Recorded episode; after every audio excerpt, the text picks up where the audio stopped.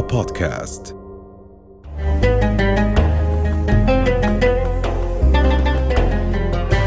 حلقة جديدة من ساعة محبة. لنرتقي سويا. السلام عليكم ورحمة الله وبركاته. أيها الأعزاء يقول الله عز وجل ونفس وما سواها فألهمها فجورها وتقواها. هذه الآية القرآنية التي نريد أن نبدأ حديثنا منها اليوم حديثنا عن النفس البشرية. هذه النفس التي ما زلنا نبحث ونبحث في علم النفس ونبحث فيها في حياتنا في سائر أنواع العلوم. نريد أن نعرف هذه النفس لأننا إن لم نعرف أنفسنا لن نعرف شيء لن نعرف الآخرين لن نعرف حتى خالقنا. لأن الله عز وجل اعرف نفسك تعرف ربك كما قالت الفلاسفة وكما يقول القرآن نسوا الله فأنساهم أنفسهم. الحديث عن النفس مهم لنعرف رغباتنا وشهواتنا لنعرف ماذا نريد نعرف هذه الدوافع التي تكمن خلف النفس. ولكن بطريقة أساسية القرآن الكريم هذا الكتاب خاتم الكتب السماوية وخاتم الشرائع. نريد أن نعرف كيف تناول موضوع النفس ووقف عند موضوع النفس.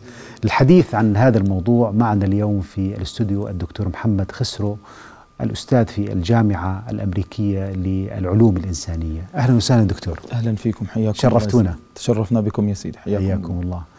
يعني دكتور محمد ال- الأهمية يعني أهمية ال- الحديث عن النفس. هل النفس هو شيء أو هي شيء بسيط؟ أم أننا ما زلنا بحاجة إلى هذا العصر عصر العلوم والمعارف ما زلنا بحاجة لنعود إلى السؤال الأول والبسيط ما هي النفس؟ نعم. التي نحن بين جنبيها أو هي بين جنبينا نعم. ما زلنا يعني وبهذه الأعمار ومهما كانت أعمارنا وأحيانا نشعر أننا ما زلنا أطفالا صغار صحيح. من حيث اكتشاف هذه النفس ومعرفة هذه النفس صحيح. بداية الحمد لله رب العالمين والصلاة والسلام على سيدنا رسول الله محمد وعلى آله الطيبين الطاهرين شكرا على هذه الاستضافة آه، دكتور عامر النفس ال- البشرية تحدث عنها القرآن الكريم حديثا موسعا مفصلا حتى أنها ذكرت في القرآن الكريم نحو من 295 مرة ب 114 سورة. تقريبا يعني كل سورة ذكرت النفس مرتين إلى ثلاث مرات. طبعا هذا إذا وزعناها بالتساوي على عدد السور. آه، فالله سبحانه وتعالى يريد من القرآن الكريم أن يخاطب أنفسنا من الداخل ابتداء ثانيا أن يعرفنا على هذه النفس التي هو سواها. دائما إذا أردنا أن نعرف الصنعة لابد أن نسأل الصانع. إذا أردنا أن نعرف مكنونات هذه الصنعة لابد أن يكون هناك من الصانع كتاب كتالوج يبين لنا إرشادات الاستخدام موانع الاستعمال ما الذي يفيد هذه ال- ال- الصنعة ما الذي لا يفيدها. فالله سبحانه وتعالى أنزل هذا الكتاب كأنه ما أنزله إلا لهذه النفس البشرية. جميل. كأن الله سبحانه وتعالى يريد فقط من هذا القرآن أن يعرف الإنسان نفسه. إذا الذي سواها هو الذي أعلم بمداخلها وأعلم بجوانبها وصفاتها المختلفة. طيب دكتور يعني ال- ال- هاي النفس السوية أو النفس التي سواها الله عز وجل نعم. آه، آه، هل هي سمة واحدة؟ أو دعنا نقول الأساس بأنها للجميع وأن الله خلق الأنفس في الأساس نعم. واحدة وبالتالي هناك نوع من العدالة الإلهية بأنه أعطى هذه النفس في أقصى الأرض شمال الأرض جنوب الأرض. صحيح. الجميع انطلق من هذه النفس. نعم. ماذا يعني هذا؟ آه، الله سبحانه وتعالى هو خلقنا أول شيء من نفس واحدة. أيوة. يعني أن هذا التكوين النفسي هو تكوين واحد عند جميع البشر مهما تشكلت ألوانه أو تنوعت صوره. قد تتنوع الصور لكن ال- ال- المادة الخام هي مادة واحدة. كلنا ذلك الإنسان الذي يجوع كلنا ذلك الإنسان الذي يعطش كلنا ذلك الإنسان الذي يحزن يفرح يغضب. هذا الإنسان بكل هذه الصفات النفسية الموجودة مركبة في داخله تتمايز من شخص إلى آخر تتفاوت بال- بالمسألة. لكن الله سبحانه وتعالى جعل القرآن الكريم يركز على جوانب آه، لإبرازها من هذه النفس ويخفي جوانب الأصل ألا تظهر من هذه النفس كمثلا آه، البخل الكذب الخوف القلق. يعني أشياء كثيرة صفات كثيرة مركبة النفس البشرية عليها. أراد الله سبحانه وتعالى منا أن نخفي هذه الأشياء أو أن نزيلها حتى من النفس. لذلك قال قد أفلح من زكاها وقد خاب من دسها زكاها نماها آه، طورها حسنها أحسن إليها. لذلك آه، أولى الأشياء التي لا بد أن ننصت إليها أو أولى الأحاديث التي لا بد أن نسمعها وننصت إليها هي أحاديثنا الداخلية. جميل. آه، أكثر الأشياء أو أكثر الأشخاص الذين لا بد أن نجلس معهم هم نحن أنفسنا. يعني الإنسان لا بد أن يجلس مع نفسه. لو واحد سأل نفسه مين هو أكثر الأشخاص أو الناس اللي لازم أجلس إلهم بجاوبه أنت نفسك. لازم تجلس مع نفسك تسمع نفسك تحدث نفسك. آه، أخطر الكلمات الموجهة إليك هي كلماتك الداخلية. رائع جدا. يعني نعم. ال ال ال النفس والعقل والإرادة. نعم. يعني هي أيضا يعني أسماء لأشياء في داخل هذا الإنسان في داخلنا في داخله يعني في مكنوناته. أحيانا يعني نشعر بأن ال ال ال النفس تريد شيء والعقل يريد شيء. نعم. يعني كأن العقل والنفس في جهتين مختلفتين. نعم. فيعني العلاقة بين العقل وبين النفس يعني كيف ممكن هيك نفهمها بطريقة بسيطة؟ نعم. هو الحقيقة في القرآن الكريم أعتقد أن الله سبحانه وتعالى لم يفرق كثيرا بين العقل والنفس إذ, إذ إن العقل جزء من النفس القلب جزء من النفس. لما نحكي العقل هنا مقصود به القلب كما قال الله سبحانه وتعالى فإنها لا تعمى الأبصار ولكن تعمى القلوب التي في الصدور. فخاطب الله سبحانه وتعالى القلوب وخاطب الأنفس على أنها شيء واحد. والدليل آه، أن لفظ جنتي في القرآن الكريم جنتي بياء النسبة إلى الله لم يرد إلا مرة واحدة وكان للنفس المطمئنة. يا أيتها النفس المطمئنة ارجعي إلى ربك راضية مرضية فادخلي في عبادي وادخلي جنتي. جميل. والاطمئنان نقيضه في القرآن التقلب. آه، ومن الناس من يعبد الله على حرف فإن أصابه خير اطمأن به وإن أصابته فتنة فتنة انقلب على وجهه. نعم. آه، ولتطمئن به قلوبكم. فعكس الاطمئنان كان التقلب. فمن هنا فهمنا أن النفس المطمئنة هي نفس القلب المطمئن. ألا بذكر جميل. الله؟ لكن هنا يعني أيضا كسؤال. نعم. العقل كمعرفة. نعم. يعني العقل كأداة معرفية آه والنفس كمجموعة من الرغبات والشهوات والأحاسيس وكأيضا جانب الحياة أنها هي تلك الحياة كما يقول البعض أيضا. نعم. يعني العقل دوره أنه يضبط أحسن. نعم. رغبات الإنسان ويلجم ويعقل. نعم. بالتالي يعني ألا يمكن أنه إحنا كمان بهذه الطريقة أنه آه، لو جعلنا النفس هي أقرب إلى تلك الرغبات والغرائز والاحتياجات والدوافع الحياتية التي يحتاج إليها الإنسان. نعم يعني هو الآن كثير في تشبيهات للنفس البشرية نعم. والعقل كقائد العربة التي يضبط العربة يقودها يمينا يسارا لكن هذا العقل هو آه، أداة من أدوات النفس التي قال الله سبحانه وتعالى أما من خاف مقام ربه ونهى النفس عن الهوى فإن الجنة هي من الذي ينهى؟ أيوة هو العقل أصلا المركب جميل. من داخل جميل. النفس يعني هي منها منها وفيها جزء منها وفيها أصلا إحنا لما نحكي عن النفس يعني بنحكي عن حالنا إحنا من الداخل فهذه النفس الله سبحانه سبحانه وتعالى لما حدثنا عنها في القرآن الكريم. أول ما حدثنا عنها أول سورة بسورة البقرة قال يخادعون الله وما يخدعون إلا أنفسهم. جميل. فحذرنا من خداع النفس لأن الإنسان قد يخدع نفسه. وبعدين جاءت الآية ظلموا أنفسهم. بعدين في آية قال كذبوا على أنفسهم. بعدين الآية التي تفضلت فيها في المقدمة نسوا الله فأنساهم أنفسهم. فالله سبحانه وتعالى الآن يحذرنا من ترك النفس من خداع النفس من آه، ظلم النفس بالضوابط الشرعية التي يعني أنزلها يعني لو رجعنا لأول آه، دعنا نقول مشهد من مشاهد البشرية نعم. هذا المشهد الذي فيه آدم عليه السلام وحواء نعم. عليه السلام أيضا والشجرة والخطيئة والأكل م. من الشجرة هل النفس الآدمية نفس آدم عليه السلام ونفس حواء كان لها دور في هذه الخطيئة هل هل الخطأ الذي وقع به آدم وحواء خطأ مزدوج ليس نعم. هو المرأة هي السبب صحيح. في الخطيئة والمرأة هي التي أدت لكذا وهي التي وسوست طبعا هذا بعيد كل البعد عن القصة القرآنية لكن هنا يعني لو أردنا أن نعرف أين كانت النفس ولماذا استطاعت أو هذه الخواطر وسوس لهم الشيطان إلى آخره كيف وقع الإنسان بالخطأ وما دور النفس نعم. وعلاقتها بالخطيئة؟ الآن ال- النفس طبيعة النفس أنها تلح على صاحبها بأمر ترتاح إليه وتميل إليه. فالنفس عادة من صفاتها الإلحاح. الشيطان من صفاته التدرج في الأمر ويأمر بشيء بسيط ثم بشيء أكبر أكبر إلى أن يصل لكن النفس تلح على آه، الخطيئة ال- ال- الواحدة وتستمر عليها وتداوم عليها. هذا الفرق بين الشيطان والنفس. آه، دور النفس البشرية في بداية الأمر في ذلك الوقت أنها كانت من آه، كانت ضعيفة في استيعاب الأمر الذي وجه إليها من الشيطان، كانت ضعيفة في الاستنتاج ولذلك ومترددة أيضا، ولذلك ورد عن سيدنا آدم عليه السلام أنه لما حضرته الوفاة أوصى ابنه شيث فقال له: اهرب مما ترددت به نفسك، فإنه لما وسوس إلي الشيطان ترددت. آكل من الشجرة أو لا آكل، فمن صفات النفس أنها كانت مترددة ولكنه لم يهرب من تردده وطاوع النفس حيث مالت لأنه الشيطان عرف مدخل النفس فأنه قال له هل أدلك على شجرة الخلد وملك لا يبلى يعني الإنسان بصراحة لو ملك الأرض كلها أنا لو ملكت إنسان الأرض كلها بقول طب فيش أرض ثانية هل من مزيد هل, هل من في مزيد؟ هناك كرة أرضية أخرى يعني أم كما؟ يقول البعض يعني أن يعني نفس الإنسان الجشع هي تشبه جهنم كلما ألقي فيها هل من فوج مزيد؟ نعم. قالت هل من مزيد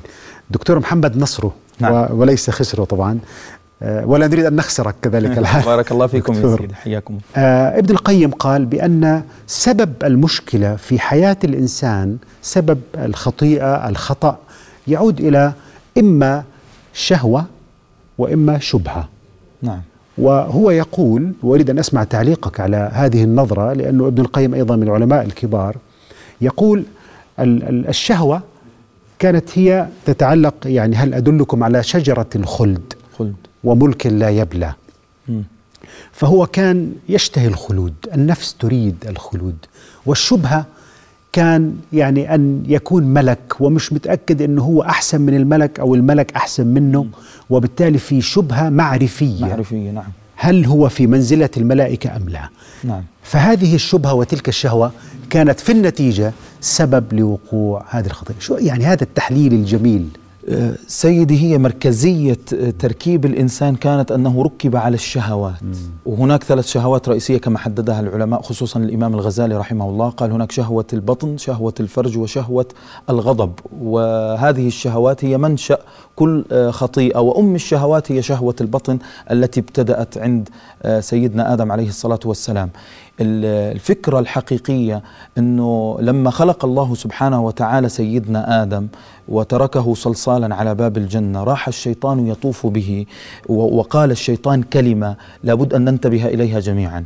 راح يطوف به يدخل من قبله ويخرج من دبره حتى انتهى قال بصرت به خلق أجوف لا يتمالك. يعني الشيطان عرف نقاط ضعف هذا الإنسان عرف نقاط ضعف النفس البشرية أن هذا الإنسان مركب على الشهوة فإن أتيته من هذا الباب تلقائيا سيميل إليها. فعرف ال- الشيطان كيف يطرق باب النفس البشرية من خلال هذه الشهوة فقال ما نهاكما ربكما عن هذه الشجرة إلا أن تكونا ملكين أو تكونا من الخالدين. ف وقاسمهما يعني أقسم لهما أو قاسمهما يعني تقاسم معهما الطعام إني لكما لمن الناصحين. فسيدنا هذا يمكن أول يمين زور في في التاريخ يعني. نعم. فدلاهما بغرور والآن وهنا قضية الغرور أيضا وزين لهم وقال لأزينن لهم في الأرض. والتزيين هنا من باب طرق أبواب الشهوات والشبهات كما تفضلت. فلما يبدأ هذا ال- ال- ال- الشيطان بهذه الطريقة تبدأ النفس تلح على صاحبها أنه ما هذا الشيء أنا أحبه وأريده تماما كالطفل الصغير ما النفس بين جنبين كالطفل الصغير الذي يقول. البصيري. نعم. النفس كالطفل كالطفل. إن تهمله شب على حب الرضاع وإن نعم. تفطمه ينفض تماما كالطفل الصغير لما يلح على أبيه بشراء آه، لعبة ما أو شيء معين والأب يمنعه وهو يلح على أبيه والأب يمنعه حتى في النهاية يخضع الأب لرغبة ابنه كذلك الإنسان مع نفسه آه، والشيطان استطاع أن يدخل من هذا الباب طب الشيطان ال- دكتور نعم. محمد نصره وأنا نعم. يعني آه، يعني إشكالية الحقيقة نعم. كبيرة أن هناك من يقول أن ال- ال- الخطأ يعود للشيطان وأن المشكلة في الشيطان وليست في النفس. إنه الإنسان بريء والإنسان لا ذنب له والمشكلة بهالمخلوق هذا اللي هو اللي مجنن البشرية كلياتها. رغم إنه وقال الشيطان لما قضي الأمر إن الله وعدكم وعد الحق. ووعدتكم فأخلفتكم. فلا تلوموني ولوموا أنفسكم. ولوموا أنفسكم. أحسنت. من الملام؟ الشيطان أم النفس؟ الحقيقة النفس. الشيطان آه، له اختياره والنفس لها اختيارها. الشيطان ما كان له سلطان إلا أن دعا والنفس هي التي استجابت. والملام في الحقيقة النفس. ولذلك لما أكلا من الشجرة انظر الكلمة ماذا قال سيدنا آدم. قالا ربنا ظلمنا أنفسنا. ما جاب سيرة ما الشيطان. جاب سيرة الشيطان. ما قال لعنة الله على هذا ال- ال- اللعين الذي. لا قال قال ربنا ظلمنا أنفسنا وإن لم تغفر لنا وترحمنا لنكونن من الخاسرين. حتى رب العالمين سبحانه وتعالى لما عاتب سيدنا آدم والسيدة حواء عليهما السلام. قال ألم أنهكما عن تلكما الشجرة؟ وأقل لكما إن الشيطان لكما عدو مبين. يعني الآن العتاب لأنفسهما من الداخل ولذلك القرآن الكريم قال الله سبحانه وتعالى قال وشفاء لما في الصدور. آه، جاء القرآن ليعالج النفس من الداخل. الآن الإنسان هو عبارة عن مظهر وجوهر ظاهر من الخارج وباطن من الداخل. القرآن الكريم لا يهتم بالمظاهر لا يهتم بظاهر الإنسان بقدر ما أنه يهتم بباطنه.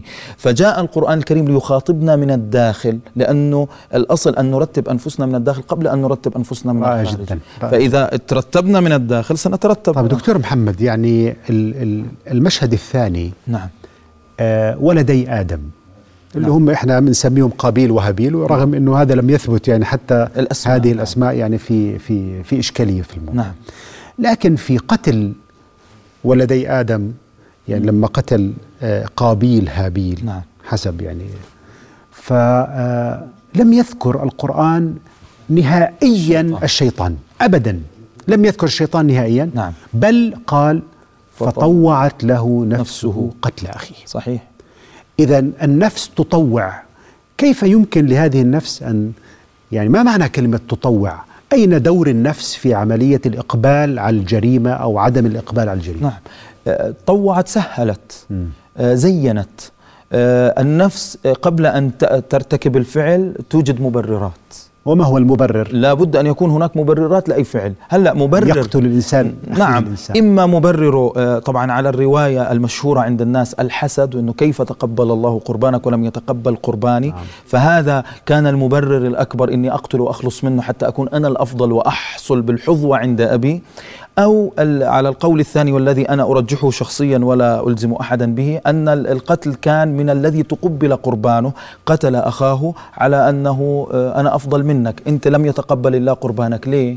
لعلك ارتكبت خطيئة معينة فلم يتقبل الله منك القربان لأقتلنك. يعني آه، كبرا وعجبا بنفسه أن الله تقبل قربانه. وهذا إنسان عاصي لابد أن يقتل. يعني وكلا الحالتين في. كلا الحالتين أن النفس تجد مبرر وإنه كان قضية ال- القربان له دور وبالتالي كأنه الدين أو الفهم الخاطئ للدين نعم. كان أيضا يسوق أو يعطي نوع من نوع من المبرر نعم. إنه أول جريمة قتل كانت ناتجة عن فهم ديني خاطئ. فهم ديني خاطئ مئة بالمئة. هو الفهم الديني الخاطئ أولا ابتداء ثانيا الإعجاب والاستكبار بالطاعة وأننا نحن أبناء الله وأحباؤه و ومن هذه ال- ال- الفكرة نشأت آه، الجريمة الأولى. فالنفس نعود للنفس. النفس قبل أن تقبل على الفعل تجد له لها مبررات. لكن لو آه، شوف هذه الآية في القرآن أنا أحبها كثيرا في سورة سبأ. قال الله سبحانه وتعالى قل إنما أعظكم بواحدة أن تقوموا لله مثنى وفرادى. ثم تتفكروا نعم. فالإنسان لما يجلس مع نفسه وحيدا يفكر مع نفسه يفكر سيجد الحقيقة هناك. سيدنا إبراهيم عليه الصلاة والسلام لما حطم الأصنام ووضع الفأس في رأس كبيرهم قالوا من فعل هذا بآلهتنا؟ قال فعله كبيرهم هذا فاسألوهم إن كانوا ينطقون. انظر إلى التعبير القرآني بالدقيق ماذا قال؟ قال فرجعوا إلى أنفسهم. فقالوا إنكم أنتم الظالمون. ثم نكسوا على رؤوسهم. الآن في عودتهم إلى نفس أنفسهم ظهرت الحقيقة. الإنسان لما يرجع بينه وبين نفسه يظهر تظهر الحقيقة مم. أمام الناس قد يحاول الممارة ويحاول تغطية الخطأ ويحاول تبرير الخطأ لكن بينه وبين حاله وجاذبية الجماهير أيضا نعم. وغوغاء الجماهير نعم. لها دور وممكن يكذب على نفسه لدرجة أنه سيصدق أنه فعلا كان محقا لكن لو جلس مع نفسه جلسة إنصاف سيجد أنه لم يكن جميل. محقا طب يعني دكتور محمد ال ال القرآن صنف أو أعطى صفات دعنا صحيح. نقول للنفس البشرية مش كل النفوس واحدة. صحيح. وبالتالي النفس اللوامة والنفس المطمئنة والنفس الأمارة بالسوء وهناك علماء حتى وصلوها 12 و20 إلى آخره. لكن لو بقينا فقط على هذه الثلاثة النفس اللوامة والنفس الأمارة بالسوء والنفس المطمئنة. نعم. يعني حتى تتضح الصورة نريد هيك أن نتوقف قليلا عند كل نفس من هذه النفوس. نعم. النفس الأمارة بالسوء تغذيها الشهوات. هذه آه تميل إلى شهواتها ورغباتها وما تحب وتختار الطريق الأقصر دائما. وعلما آه أن النبي صلى الله عليه وآله وسلم وجهنا أنه رحم الله طبعا بالإسقاط على هذا الذي يختار الطريق الأطول والأسهل مش الأقصر والأصعب. النفس دائما تطمح للوصول إلى النتيجة سريعا. قال كلا بل تحبون العاجلة وتذرون الآخرة. آه، قال الله سبحانه وتعالى من كان يريد العاجلة عجلنا له فيها ما نشاء لمن نريد. قال خلق الإنسان من عجل سأريكم آياتي فلا تستعجلون. فمنشأ النفس الأمارة بالسوء العجلة ولذلك سنجد أن بني إسرائيل اتخذوا من دون الله عجلا جسدا له خوار. فقال لهم سيدنا موسى أعجلتم أمر ربكم أم أردتم آآ آآ كما قال الله سبحانه وتعالى. فهنا العجلة هي منشأ النفس الأمارة بالسوء. جميل. يريد فورا جنة يريد أنا بدي أصلي فورا بدي أخذ الأجر. بدي أصوم فورا بدي أشوف النتيجة. يا أخي هيني طول عمري بصلي ومش لاقي نتائج. يعني الآية في سورة يوسف امرأة العزيز وأنا أريد أن أستمع إذا كان هناك تفسير آخر أيضا. عندما قالت وما أبرئ نفسي إن النفس لأمارة بالسوء إلا ما رحم ربي. وهي بعد ذلك تابت وأنابت. هنا السؤال الحقيقة يعني أنه هل حتى من يصل إلى هذا المستوى من النفس الأمارة بالسوء التي هي تكون في حالة من التردي دعنا نقول نعم. حالة من الانحطاط. ولكن بعد ذلك يبقى الأمل موجود في عودة هذه النفس إلى رشدها إلى وعيها وتوبتها لله. نعم. هي بداية منشأ الفكرة هل النفس أصلا خلقت أمارة بالسوء أم خلقت مطمئنة؟ فهنا الفكرة الأساسية. آه، أنا أرجح أن النفس خلقت أمارة بالسوء. آه، خلقت جبلت على السوء وجاءت الآيات والبينات وأنزل الله الرسل وأنزل الكتب وأرسل الرسل عفوا لتهذيب هذه النفس وتزكيتها أو أنها خلقت لا خير ولا شر ولكن يجب على الإنسان أن يختار. الآية قال ذلك ليعلم أني لم أخنه بالغيب وأن الله لا يهدي كيد الخائنين. هذا قول سيدنا يوسف. وما أبرئ نفسي قول سيدنا يوسف. إن النفس لأمارة بالسوء إلا ما رحم ربي إن ربي غفور رحيم. طبعا هذا قول كثير من المفسرين أن هذا وليس زوجة العزيز. نعم قول سيدنا يوسف ذلك ليعلم أني لم أخنه بالغيب. أي أني لم أخن هذا العزيز بالغيب وأن الله لا يهدي كيد الخائنين. ما كان لامرأة العزيز أن تفهم هذه التفاصيل هذه تفاصيل يفهمها م. نبي. قال إن النفس لأمارة وما أبرئ نفسي. يعني هذا ليس بمق... ليس ب... بفضلي وبإرادتي وبقدرتي بل بعصمة الله لي آه عصمت من هذه الخطيئة. لذلك ما أبرئ نفسي؟ لأن النفس أصلا جبلت على أنها تأمر بالسوء والدليل ما وقع به سيدنا آدم عليه الصلاة والسلام. ولذلك إلا العاصم من عصمه والله الله. هون دكتور محمد يعني آه، آه، كثير مفسرين كانوا يحاولوا الهروب من قضية أنه إنه إنه يوسف عليه السلام خطر في باله الخطأ أو إنه الهم. وبالتالي محاولة إنه إبعاد النبي يوسف عليه السلام عن أن يهم بالفعل هو لم يفعل. هو ما فعل. وبالتالي هذا النوع من يعني إعطاء الصورة المثالية جدا جدا. وأنت ذكرت قبل نعم. قليل إذا كان آدم عليه السلام هو أول نبي نعم. وهو وقع في هذه الخطيئة نعم. فإمكانية أن يهم يوسف لماذا الحرص على إبعاد يعني فكرة إنه حتى الهم بالخطأ لا يجوز ولا رغم إنه في العقيدة إحنا بنعرف في آراء مختلفة عند العلماء. نعم. هناك نعم. من قال إنه يعني آه، يمكن أن يخطئ قبل النبوة. نعم. تمام؟ والقضية فيها نقاش.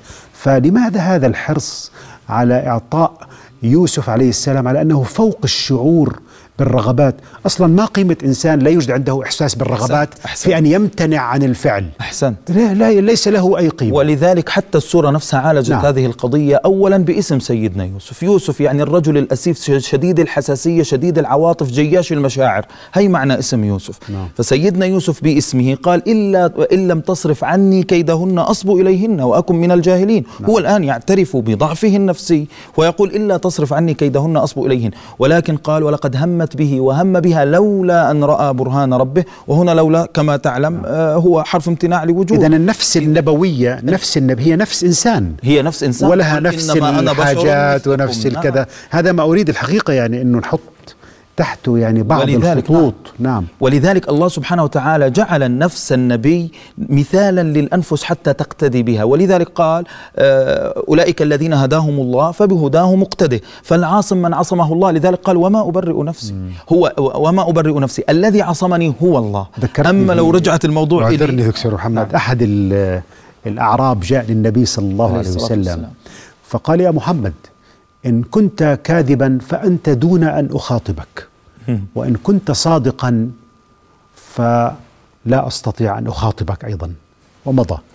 يعني يعني هو يعني نوع من الحيلة نوع من الخبث بحيث صحيح. أنه لا يريد أن يأخذ النبي لأنه أصبح فوق مستوى البشرية صحيح. وبالتالي إذا كنت أنت فوق مستوى البشرية أنا لا أستطيع أن أتكلم من- معك وبالتالي هذه النقطة أنه وما أنا إلا بشر مثلكم نعم. يوحى إلي يوحى إلي فالتركيز على أنه الأنبياء بشر وأن لديهم من الآلام والمعاناة وال والمشاعر. وحركة النفس ورغبات صحيح، صحيح. يعني بالضبط وإلا هنا هنا تكمن عظمته أصلا وهنا آه، تكمن أهمية الرسالة والوحي لأن الوحي هو الذي يض- يضبط سلوك النفس. وقال الله سبحانه وتعالى في القرآن الكريم نعم. قال إن الإنسان خلق هلوعا إذا مسه الشر جزوعا وإذا مسه الخير منوعا إلا المصلين الذين هم على صلاتهم دائمون. فإذا الآن نفهم أهمية الوحي والكتب. هي نزلت لتهذب هذه النفس التي قال عنها الشيطان في بادئ الأمر خلق أجوف لا يتمالك. هو في طبيعة الإنسان خلق أجوف لا يتمالك. ولو استقرأنا الآيات القرآنية التي تتحدث عن الإنسان سنجد آه، أن آه، قتل الإنسان ما أكفره. حملها الإنسان إنه كان ظلوما جهولا. يعني ركب الإنسان على مجموعة من السوءات تسترها آيات الله بالوحي. طيب، ولذلك يعني أول نعم، آه،. أول كتاب منزل كان اسمه التوراة. نعم. التوراة من المواراة ليواري سوءات الناس أخطائهم وهفواتهم وزلاتهم فلذلك أنزل الله سبحانه وتعالى الكتب. طيب يعني دكتور محمد التزكية تزكية النفس. نعم. يعني آه النفس آه تصبح في في أجلى وفي أعظم تجلياتها التي يريدها الله عز وجل عندما تتزكى عندما تطهر نعم. عندما ترتقي فكيف يمكن أن أن يزكي الإنسان نفسه؟ هل هذه التزكية لديها قواعد ثابتة محددة أم أنه الإنسان يمكن أن أن يجتهد أيضا مع نفسه ويعرف ماذا يحب وماذا لا يحب؟ ماذا عن التزكية وقواعد التزكية؟ آه، التزكية ابتداء لا تكون إلا بأمر الله سبحانه وتعالى لأنه كما بدأنا الحلقة أنه ونفس وما سواها هو سواها فهو أعلم بما يزكيها هو أعلم بما يصلحها هو أعلم بما يجعل هذه النفس آه، تستقبل آه، حضرة ال- القدس إذا لقيت ربها يوم القيامة لذلك الله سبحانه وتعالى جعل لنا قواعد التزكية ابتداء الابتعاد عن الشهوات التي والرغبات التي تزيد من النفس سوءا وتبعد النفس عن حقائق المعرفة وتغطي آه، على الإنسان وتجعل للإنسان حجب عن معرفة الأنوار. فالتزكية قالوها بتمر بثلاث مراحل. تخلية ثم التحلية ثم تأتي التزكية فالتخلية من ال- والتجلية. والتجلي والتجلي. التجلي نعم, نعم.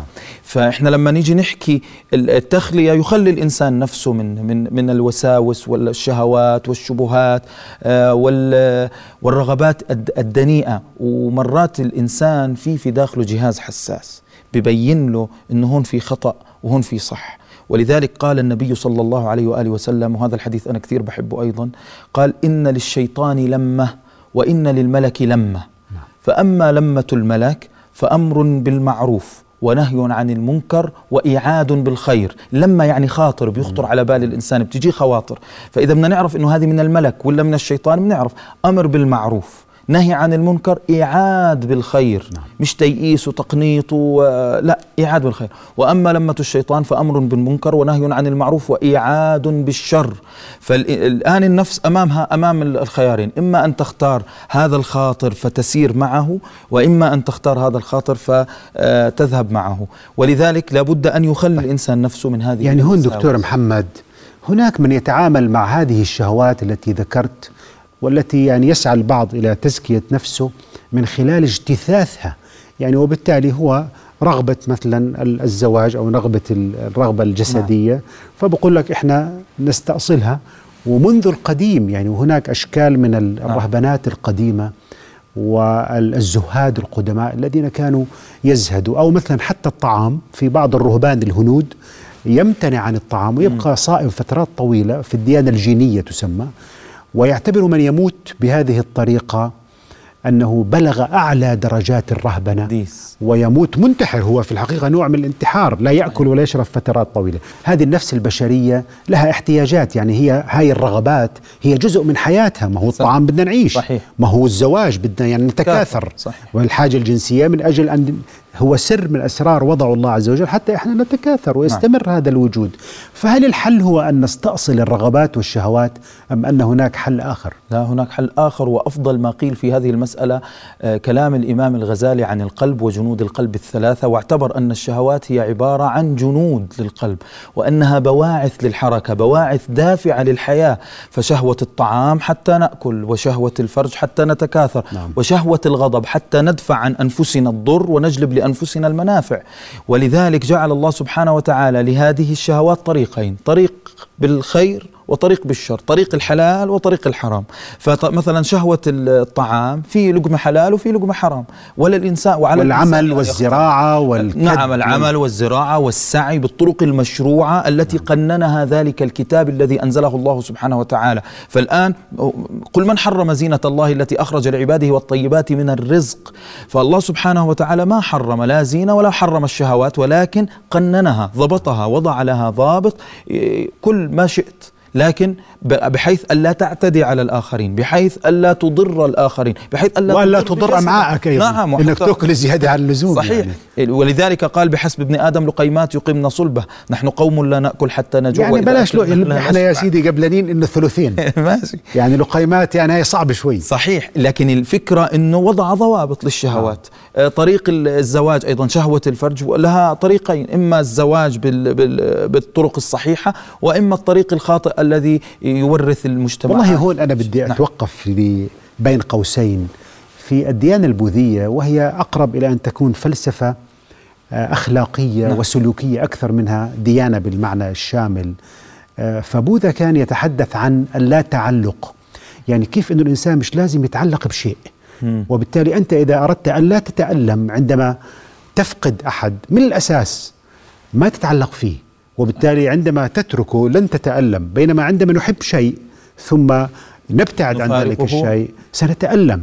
يعني فكرة اللا تعلق هذه وإلى أي مدى في التصوف الإسلامي والزهد الإسلامي إحنا يعني اقتربنا من هذه الفكرة؟ هذه الفكرة أحبب حبيبك والأحاديث هذه. صحيح. هذه الفكرة أول ما بدأ الوحي بدأ بها. م. اقرأ باسم ربك الذي خلق. خلق الإنسان من علق. اقرأ وربك الأكرم. فهنا يبين يجلي لنا الله سبحانه وتعالى حقيقة الإنسان أنه بطبيعته يتعلق. أو أول ما يخلق في الرحم آه، هو علقة يعلق بجدار الرحم.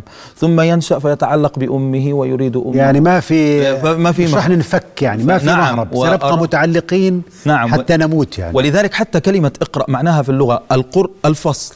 نعم. اقرأ باسم ربك الذي خلق. إذا أردت أن تترك تعلقاتك هذه اقطع التعلق من الأغيار وتعلق برب الأرض والسماء سبحانه وتعالى. فلذلك اقرأ باسم ربك الذي خلق. خلق الإنسان من علق. فقضية التعلق أن الإنسان هي آه، نفس النفس الإنسانية من الداخل مفطورة على التعلق ولكن الله سبحانه وتعالى يوجه هذا التعلق بأن تترك كل العلائق إلا أن تجعل علاقتك بالله سبحانه وتعالى هي الموصولة دائما. ولذلك قال واعتصموا بحبل الله الله جميعا ولا تفرقوا فالعلاقة الحقيقية التي لن نألم عند تركها آه، أو حتى إحنا لا نتركها هي علاقتنا بالله سبحانه وتعالى ولا كل شيء فاني من حولنا نعم. حتى أنفسنا تغيب عنا هون حديث جبريل يا, نعم. يا محمد أحبب من شئت فإنك مفارقه وعش ما شئت فإنك ميت, ميت. دكتور محمد نعم. لو اتجهنا باتجاه مختلف قليلا وهو آه، آيات النفس وفي أنفسكم أفلا تبصرون. يعني هذه الآية أيضا من أجمل ومن أعمق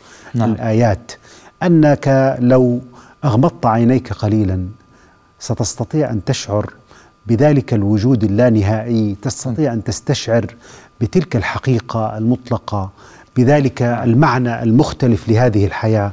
بالتالي هذا عالم النفس في مقابل عالم الآفاق وعالم المخلوقات التي تحيط بك. فهذا الكون الصغير وهذا الجرم الصغير نعم. وتزعم أنك جرم صغير؟ فيك انطوى العالم. وبالتالي هذا العالم كله داخلك داخل صحيح. الإنسان داخل النفس. كيف يمكن أن نكتشف الله عز وجل في أنفسنا؟ آه كلام رائع جدا. هذه الآية وفي أنفسكم أفلا تبصرون. سنريهم آياتنا في الآفاق وفي أنفسهم حتى يتبين لهم أنه الحق أولم يكفي بربك أنه على كل شيء شهيد.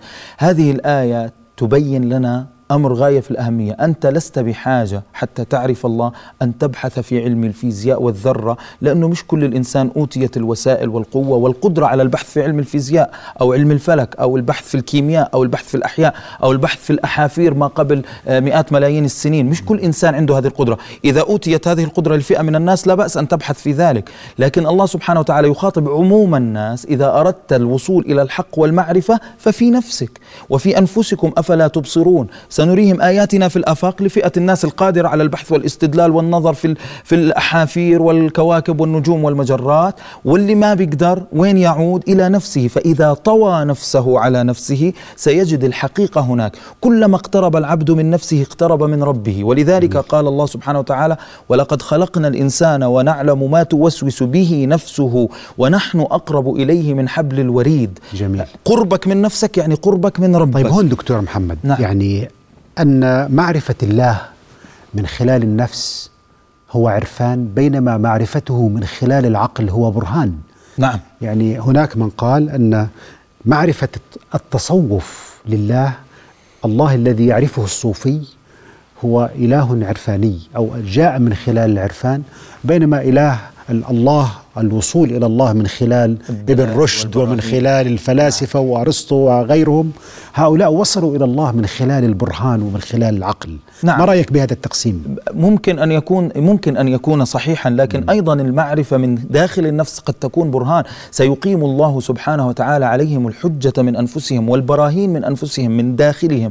قد تكون برهان آه، على المعنى المعرفي بالشرط نعم. يكون البرهان مادي معنى العرفاني. نعم. هو برهان عرفاني. نعم, نعم. ولذلك آه، تعجبني هذه المقولة أنت بدأت فيها لكن هي داؤك فيك ومك تبصر ودواؤك منك ومك تشعر تحسب نفسك جرم صغير وفيك انطوى العالم الأكبر. فالإنسان آه، أنا لست بحاجة إلى أنظر في مكونات الشمس حتى أتعرف على الله سبحانه وتعالى أو مكونات القمر أو مكونات الأرض والتربة والمخلوقات وأبحث في هذه الكائنات الحية. لست بحاجة أو آه، لست يعني هذا هذه الوسائل ليست هي الوسائل الوحيدة لمعرفة الله سبحانه وتعالى قد تكون جانب من الجوانب للمعرفة ولكن هناك جلوسك مع نفسك نعم. استماعك لصوتك من الداخل أه وبعيدها وبكررها إذا بدك تنتبه لحديث أو للأحاديث اللي لابد أن تنتبه إليها أحاديث نفسك الداخلية هون هون يمكن دكتور محمد أنه هذه المعرفة النفسية نعم. التأمل في النفس في الباطن ربما يكون أكثر عدلا ومساواة بين الناس. لكل كل إنسان بيقدر يقعد مع حاله يعني. صحيح. بينما العقل والبراهين العقلية ربما لا يستطيع كل إنسان أن يحصل على هذه صحيح. الثقافة صحيح. وهذه صحيح. وبالتالي البداية يجب أن تبدأ من النفس من الداخل. والعقل سيساعد. وأنا هنا يعني أريد أن أضعك أيضا أمام مقولة للإمام الغزالي آه، رحمه الله صاحب الأحياء عندما يقول أن العقل والوحي مثلهم كمثل الشمس والبصر. نعم. فأنت لا تستطيع أن ترى دون دون أن يكون هناك نور. نور. وكذلك الأعمى لا يستطيع أن يرى حتى لو كان هناك نور. وبالتالي نحن بحاجة إلى النور وبحاجة إلى البصر. صحيح. بحاجة إلى الوحي وبحاجة إلى العقل في نفس الوقت. حتى نعرف الصورة الكاملة. يعني أنا هل هنا السؤال الحقيقة. هل المعرفة الكاملة لله هي في الجمع ما بين الجهد العقلي البرهاني وبين الجهد العرفاني الباطني أيضا؟ نعم هلا المعرفة الكاملة لله سبحانه وتعالى قد لا تحصل عند الإنسان. يعني قد لا يصل الإنسان إلى مع المعرفة الكاملة بالله سبحانه وتعالى ولكن يصل إلى آه، يعني خلينا نحكي بعض أو شيئا من المعرفة التي آه، وهبه الله سبحانه وتعالى إياها وتتكامل يعني الجهد العقلي مع البرهان اللي هو النور الوحي آه، حتى يصل الإنسان إلى المعرفة. قبل أن يعني نتحدث عن هذا الجانب لو رجعنا إلى أساليب أو كيف يوحي سنة الله سبحانه وتعالى في في إعلام الأنبياء بالوحي عنه آه، أنه يحبب إلى كل نبي قبل الوحي الخلاء. فستجد أن سيدنا إبراهيم لما جن عليه الليل رأى كوكبا. ستجد أن سيدنا محمد صلى الله عليه وآله وسلم حبب إليه الخلاء. كان يجلس في غار حراء بالليالي الطويلة ذات العدد. يتأمل يتحنث يفكر آه هذا الجهد العقلي الذي تفضلت به. ثم جاء الوحي فوصلت المعرفة في في في حلتها التي أرادها الله سبحانه وتعالى لسيدنا رسول الله صلى الله عليه وآله وسلم، لكن اولا حبب إليه الخلاء، الجلوس مع نفسه، كان يجلس مع نفسه، أحب العزلة، مع إنه كان صلى الله عليه وآله وسلم تاجرا يتعامل مع الناس، يشتبك مع الحياة اشتباكا كثيرا، والتاجر الأموال كثيرة، كثير الاشتباك ما هذا الدافع؟ ما هذا الدافع الذي يدفع الإنسان نحو البحث إلى الله؟ أين هو؟ من خارطة الدوافع النفسية.